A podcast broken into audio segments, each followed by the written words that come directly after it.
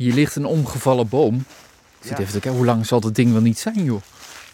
Deze, dit is een den van, wat zal het zijn, 20 meter om en nabij. Wat een lengte. Als hij zo op de grond ligt, dan valt het pas ja, op. Nee, als- je tussen de bomen doorloopt, dan heb je niet zo'n gouden idee hoe hoog of dat ze zijn tot het moment dat er eentje ligt. Ja. Ja. En hier staan eiken.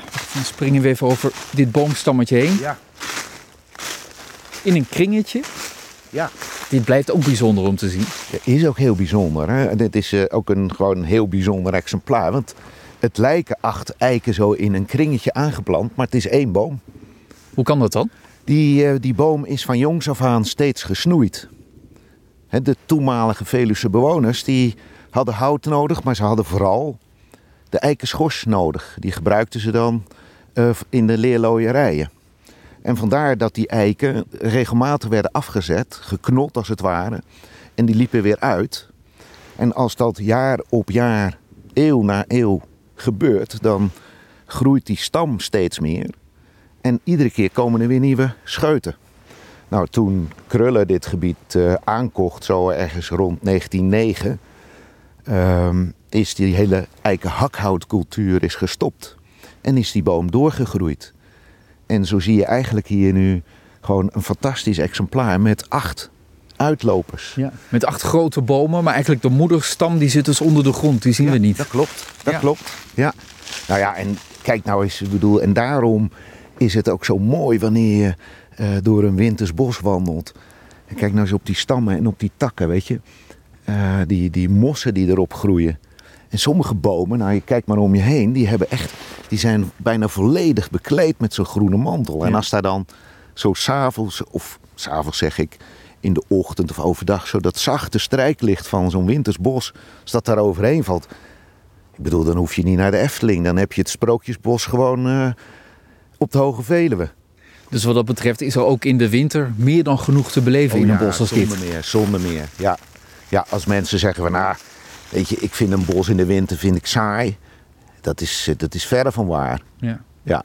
Hoe zit het met het wild deze tijd van het jaar? Want dat is er natuurlijk ook en dat moet maar zien te overleven. En dan heb ik nog in mijn achterhoofd eh, het, het nieuws en het gegeven dat er weinig mast, weinig voer is voor de dieren. Eh, ja, nou ja, de- de- die mast is inderdaad uitgebleven dit jaar. Dus er zijn heel weinig eikels en beukennootjes gevallen. En wie hebben daar het meeste last van? Dat zijn toch vooral wilde zwijnen en andere noteneters. Maar zo'n wild zwijn is nu heel groot. En die heeft daar het meeste last van. En ja, je ziet nu ook, en dat is soms verdrietig voor de mensen die daar niet tegen kunnen, maar er gaan wilde zwijnen dood van nature.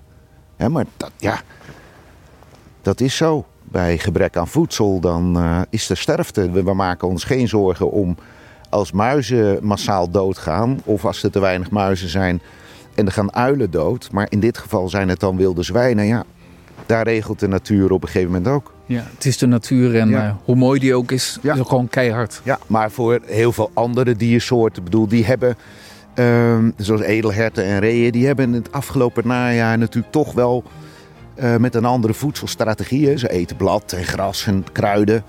Eh, die hebben wel een goede vetreserve op kunnen bouwen. En die komen de winter heel goed door. En die gaan dan ook nu in deze tijd van het jaar eh, in de winterstand. Met andere woorden, verroer je niet. Eh, want iedere stap die je doet, kost gewoon veel meer energie dan dat het aan voedsel oplevert. Dus dat betekent ook dat je in deze tijd gewoon minder vaak edelherten en reeën zult tegenkomen.